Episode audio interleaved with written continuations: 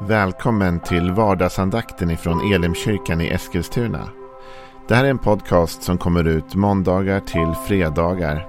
Om du vill veta mer om vilka vi är, vad vi tror på, hur du kan komma i kontakt med oss eller vad vi kan erbjuda dig för någonting så gå in på www.elimkyrkan.com.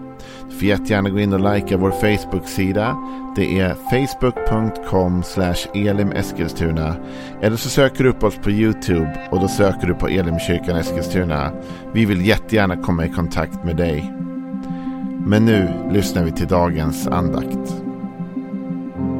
Välkommen till vardagsandakten. Vi håller på och går igenom psalm 119 som är en fantastisk psalm, en otroligt lång psalm. Och vi får se hur många veckor vi lägger på det temat. Men vi, vi kör på ett litet tag för att det finns så mycket fint här om kärleken till Guds ord och om Bibeln. Och just det där med kärleken till ordet och förståelsen av vad ordet kan betyda för mig personligen i mitt liv. Lite det ska vi titta närmare på idag.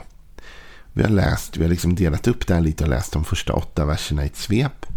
Därför att den här salmen är indelad i en sorts alfabetisk ordning faktiskt. Och den första delen i salmen är de första åtta verserna. Och vi läser det här nu.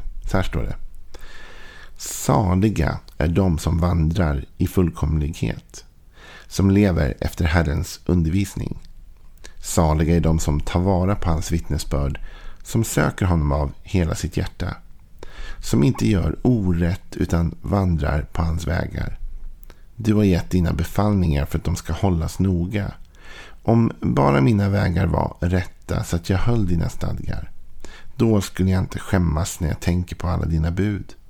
Jag vill tacka dig med ett ärligt hjärta när jag lär mig dina rättfärdiga domar. Dina stadgar vill jag hålla, överge mig aldrig. Vi har kommit fram till den sjunde versen.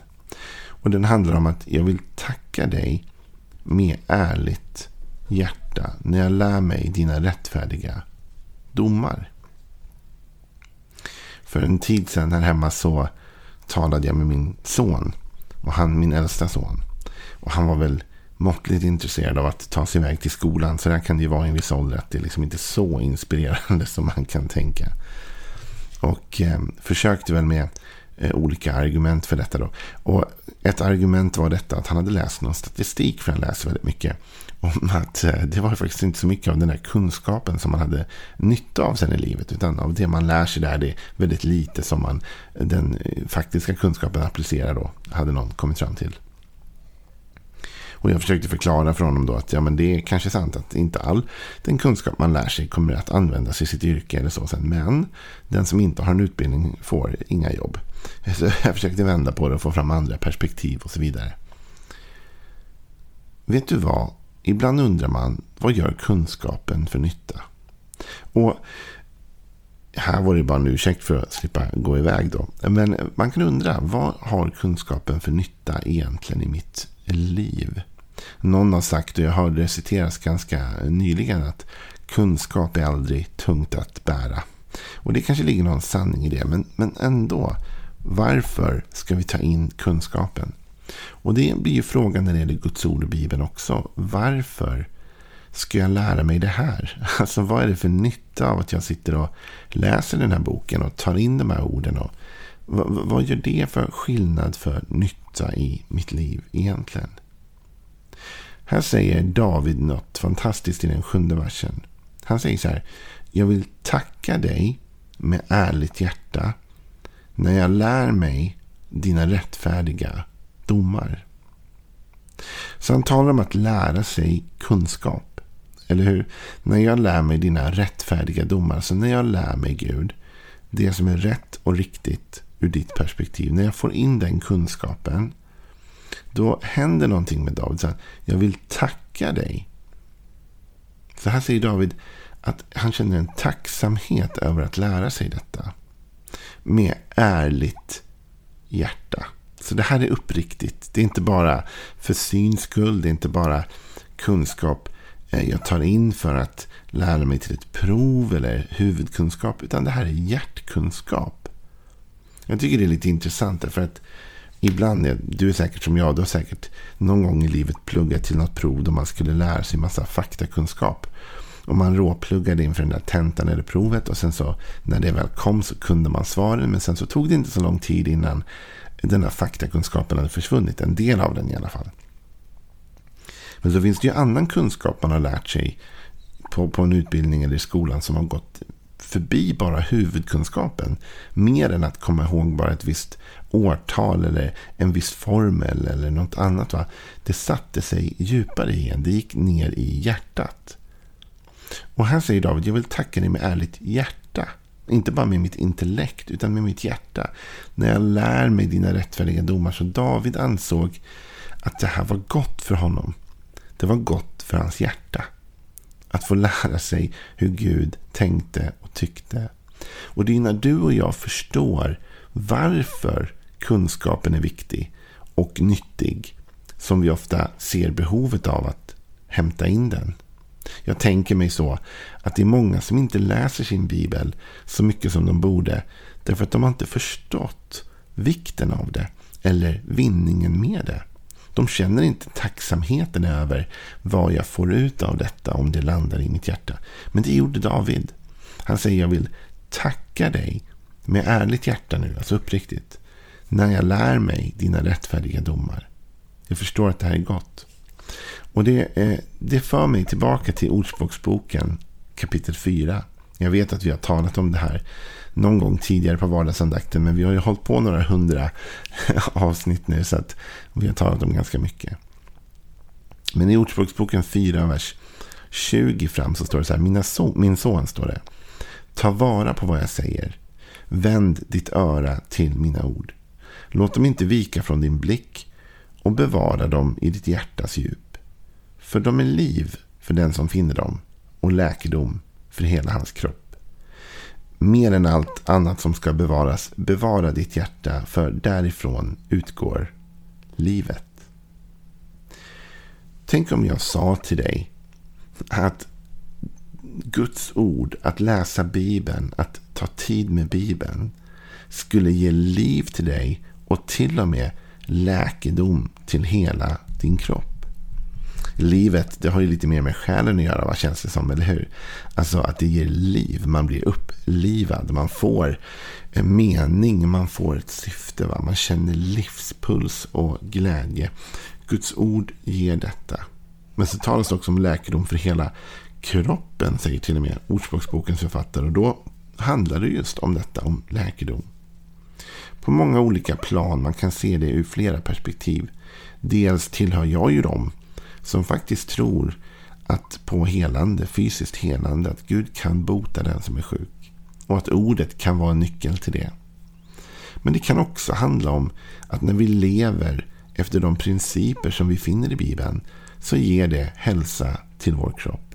Det vill säga när vi lär oss att vända andra kinden till eller när vi lär oss hur vi ska agera gentemot andra människor, hur vi kan leva i frid och ro och så vidare. Då får vi också en bättre hälsa i vår kropp. Det finns ju många sjukdomar som är relaterade till en oro i själen, eller hur? När själen inte mår bra så mår också ofta inte kroppen bra. Utan det går ut överallt. Va? Så Bibeln kan på många sätt förmedla ett helande. Både den själsliga ron som vi kan finna av ordet och av Jesus. Som ger oss frid. Som också håller oss i bättre form. Men också faktiskt ibland genom att läsa Bibeln och då också eh, uppleva ett helande. Jag har sådana berättelser. Jag kommer ihåg att jag har hört berättas om min, min mormor som hade så ont vid något tillfälle. Och, i njuren eller någonstans. Det gjorde jätte, jätteont. Hon hade jätteproblem. Jag kommer inte exakt ihåg vad det här var nu. Men, och så vet jag i alla fall att hon öppnade sin bibel. Och så hittade hon bibelordet där det står. Jag är den som rannsakar eh, någonting. Hjärta och njurar eller vad det står. Och i den sekunden så upplevde hon ett helande. Så du och jag kan uppleva helande också ibland när vi läser Bibeln. Men min poäng är detta. När du och jag förstår att det här ordet är nyttigt för oss, är det gott för oss, då kommer också vår vilja att lära oss det och ta det till oss såklart att öka. Det är klart att vi gör det som vi vet är gott för oss. Eller förhoppningsvis i alla fall, inte alltid vi gör det. Men i alla fall, det finns i alla fall ett incitament att göra det. Det finns en drivkraft någonstans som vilar i ett faktum att den här kunskapen jag försöker ta in, det här jag försöker lära mig, det här jag försöker liksom stoppa in i mig själv. Det har ett syfte. Jag kommer ihåg att när jag var ung så gick jag på några år på en kristen friskola.